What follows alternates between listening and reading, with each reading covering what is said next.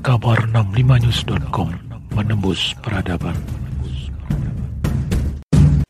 Ini tadi jam 10 baru saja Presiden Republik Indonesia yang didampingi oleh Menko Polhukam dan eh, saya dan Mensesnek menerima tujuh orang anggota eh, TP3 yang dipimpin oleh kedatangannya dipimpin oleh Pak Amin Rais, tapi pimpinan TP3-nya itu sendiri adalah Abdullah Hamahua.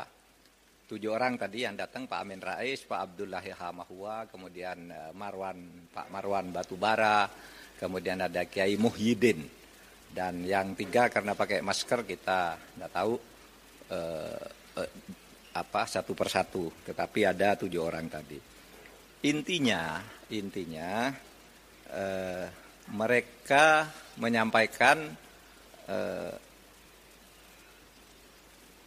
dua hal atau satu hal pokok yaitu soal terbunuhnya atau tewasnya enam laskar FPI eh, yang itu diurai dalam dua hal. Pertama harus ada penegakan hukum sesuai dengan eh, ketentuan uh, hukum sesuai dengan perintah Tuhan bahwa hukum itu adil dan uh, yang kedua uh, ada ancaman dari Tuhan kalau orang membunuh orang mukmin.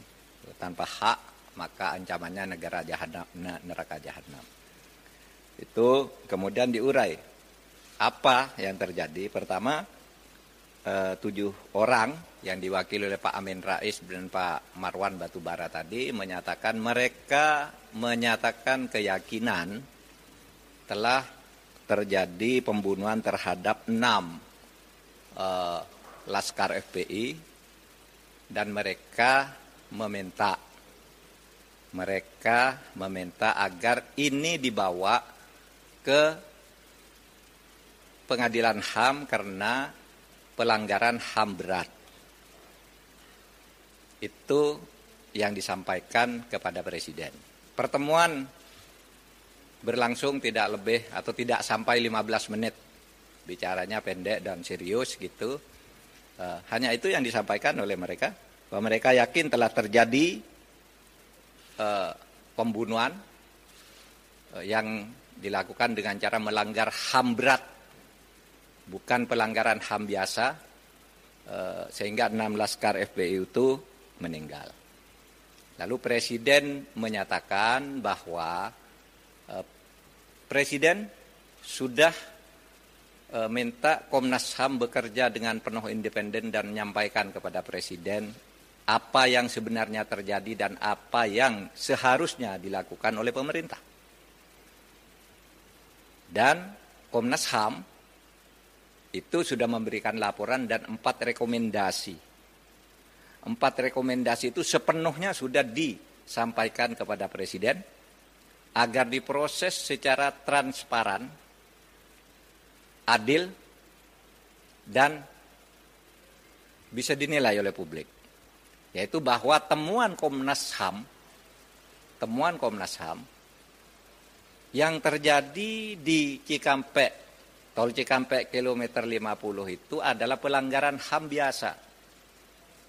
Pak Marwan Batubara tadi mengatakan mereka yakin enam orang ini adalah warga negara Indonesia. Oke, kita juga yakin. Mereka adalah orang-orang yang beriman, kita juga yakin. Dan mereka juga yakin, Pak Marwan Batubara, saya telah, telah terjadi pelanggaran HAM berat. Saya katakan, pemerintah terbuka kalau ada bukti mana pelanggaran HAM beratnya itu, mana sampaikan sekarang. Atau kalau enggak nanti sampaikan menyusul kepada presiden. Bukti, bukan keyakinan. Karena kalau keyakinan kita juga punya keyakinan sendiri-sendiri bahwa peristiwa itu dalangnya si A, si B, si C. Kalau keyakinan. Tapi Komnas HAM sudah menyelidiki sesuai dengan kewenangan undang-undang, tidak ada. Apa? Pelanggaran HAM berat itu tiga syaratnya. Satu dilakukan secara terstruktur. Itu dilakukan oleh aparat secara resmi dengan cara berjenjang. Struktur itu berjenjang. Harus targetnya bunuh enam orang yang melakukan ini, taktiknya begini, alatnya ini, kalau terjadi ini larinya ke sini. Itu terstruktur. sistematis. Ya, terstruktur sistematis. Juga jelas tahap-tahapnya perintah pengerjaan itu. Itu pelanggaran HAM berat, masif. Menimbulkan korban yang meluas. Kalau ada bukti itu, ada bukti itu, mari bawa kita adili secara terbuka. Kita adili para pelakunya berdasar undang-undang nomor 26 tahun 2000. Nah, saya saya sampaikan begitu tadi silahkan kami menunggu terbuka. Dan saya katakan TP3 bukannya juga sudah diterima oleh Komnas HAM diminta mana buktinya secuil saja bahwa ada terstruktur sistematis dan masifnya.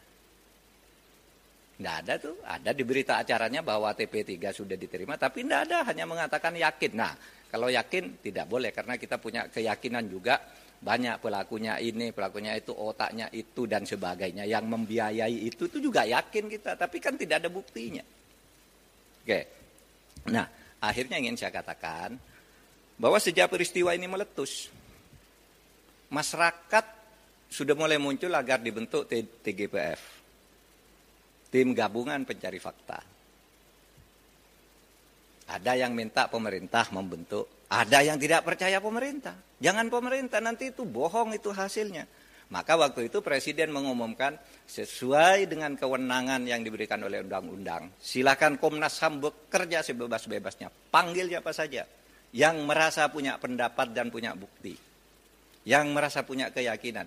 Panggil nanti sampaikan ke presiden apa rekomendasinya presiden, pemerintah sama sekali tidak ikut campur, tidak pernah uh, apa minta agar Komnas HAM menyimpulkan ini, menyimpulkan itu tidak.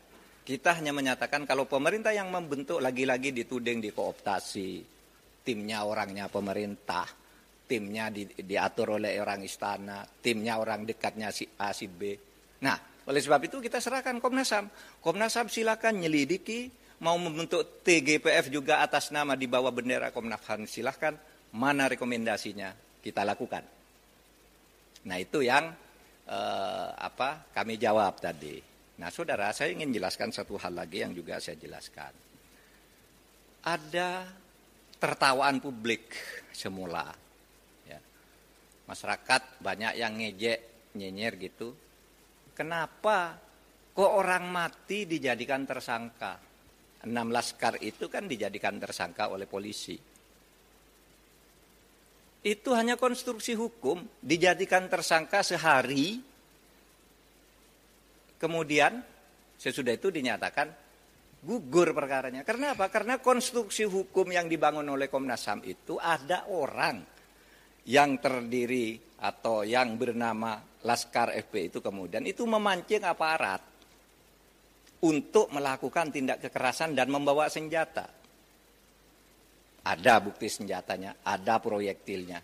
Bahkan di laporan Komnas HAM itu ada juga nomor telepon orang yang memberi komando. Siapa? Gitu.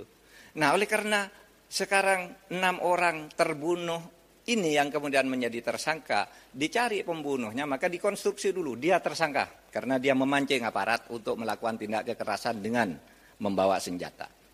Nah, Sesudah itu baru siapa yang membunuh enam orang ini, yang memancing ini. Nah, baru oh ketemu tiga orang polisi yang ditemukan oleh Komnas HAM itu tiga orang. Nah, sesudah ini ditemukan konstruksi hukumnya baru enam orang itu diumumkan oleh polisi perkaranya gugur. Dalam bahasa yang sering umum disebut SP3, tapi tidak usah tidak usah SP3. Itu cukup dikatakan perkaranya gugur sesuai dengan ketentuan undang-undang bahwa tersangka yang sudah meninggal perkaranya gugur. Cukup selesai perkaranya gugur lalu siapa yang membunuh orang ini kita buka di pengadilan. Nah, kita minta GTP 3 atau siapa pun yang punya bukti-bukti lain kemukakan di proses persidangan itu. Sampaikan melalui Komnas HAM kalau ragu terhadap polisi atau kejaksaan, sampaikan di sana. Itu. Tapi kami melihat yang dari Komnas HAM itu sudah cukup lengkap. Assalamualaikum warahmatullahi wabarakatuh. Kabar 65news.com menembus peradaban.